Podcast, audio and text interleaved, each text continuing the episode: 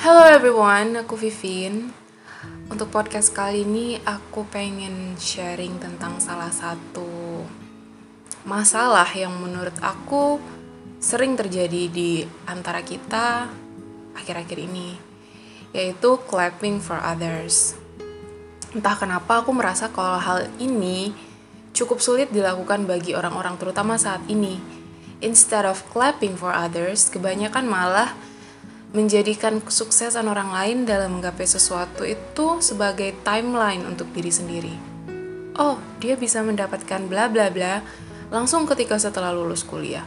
Lah, kalau dia bisa, kenapa aku enggak? Kan? Sebenarnya ada dua point of view dari pandangan seperti ini. Yang pertama, itu kita lihat dari sisi positif. Itu bisa menjadi motivasi. Dia bisa melakukannya, ya kenapa aku tidak bisa melakukan hal yang sama? Dia bisa mendapatkannya ketika bla bla bla. Kenapa aku juga tidak bisa mendapatkannya di waktu bla bla bla? Itu mendorong kita untuk menjadi lebih semangat lagi, untuk lebih giat lagi untuk mencapai hal yang sama dengan si dia. Tapi ketika kita melihat sisi negatifnya, kita jadinya membandingkan kemampuan kita dan menyusun timeline yang sama antara kita dengan orang lain. Padahal belum tahu nih kita memiliki tujuan yang sama di bidang yang sama, belum tentu kan? Dan belum tentu nih apa yang kita geluti saat ini butuh waktu yang sama untuk sampai di tahap pencapaian sesuai sama yang dia lakukan.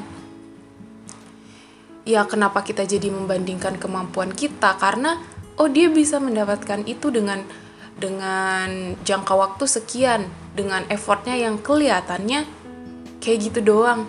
Lah aku udah kayak gini kayak gini udah udah giat kayak gini kenapa aku belum bisa dapat juga kurangku di mana salahku di mana? Apa kemampuanku yang kurang? Kita jadi meragukan kemampuan kita sendiri.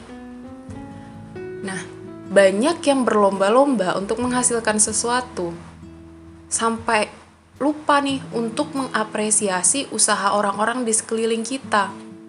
Kita jadi membawa kesuksesan mereka untuk mempertanyakan diri kita.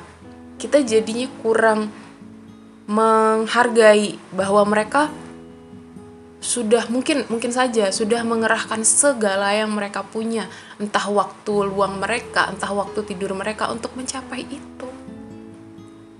Kita lupa untuk mengapresiasi usaha mereka Jadinya ya kita cuma mengucapkan selamat ala kadarnya. Padahal perlu kita sama-sama tahu nih, wishing the best for others is same wishing with the best for us. Karena tidak ada niat baik yang tidak dibalas kebaikan juga, iya nggak sih?